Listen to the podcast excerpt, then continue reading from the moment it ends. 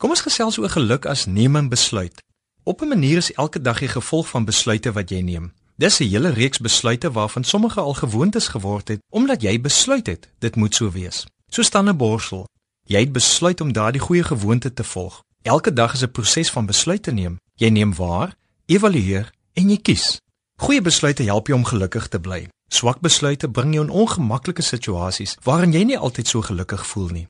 Gelukkig kan jy weer besluit op grond van die ervaring wat jy opgedoen het sodat jy meer in die rigting van geluk kan beweeg. Wat jou ongelukkig hou, is om nie te besluit nie. Wanneer jy nie besluit en 'n keuse doen nie, word jy in verskillende rigtings getrek. Jou prioriteite is verdeel en jou fokus word vertroebel. Jy voel oorweldig omdat jy nie kies nie. Dit word alles te veel vir jou en jy bly uitstel om te kies. Jy's nie seker wat jy wil hê nie en daarom bly jy ongemaklik voel. Jou emosies raak al hoe meer in 'n warboel en jy voel net nie lekker nie.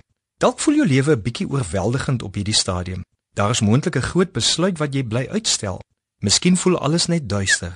Of jy voel daar's te veel opsies en alles is net vaag. Die punt is, jy gaan ongelukkig en ongemaklik voel totdat jy besluit. Moenie net besluit om te besluit nie. Neem 'n besluit en loop in daardie rigting. Indien jy nog wonder oor jou besluit, neem in ag wat Jakobus vir ons sê.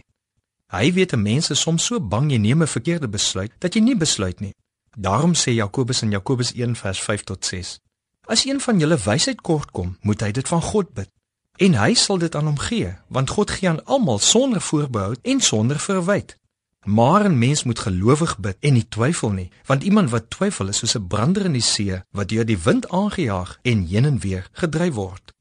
So waar begin jy met jou besluit?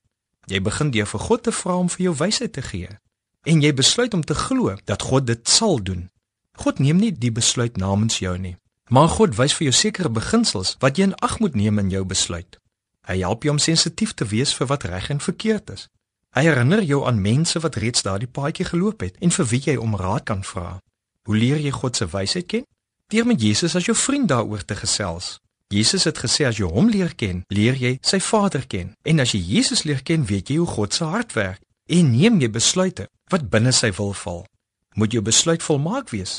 Natuurlik nie altyd sal dit wees nie, maar as jy wysheid van God bid, eer God jou besluit en help hy jou om in te val by sy groot plan met alles. Dus besluit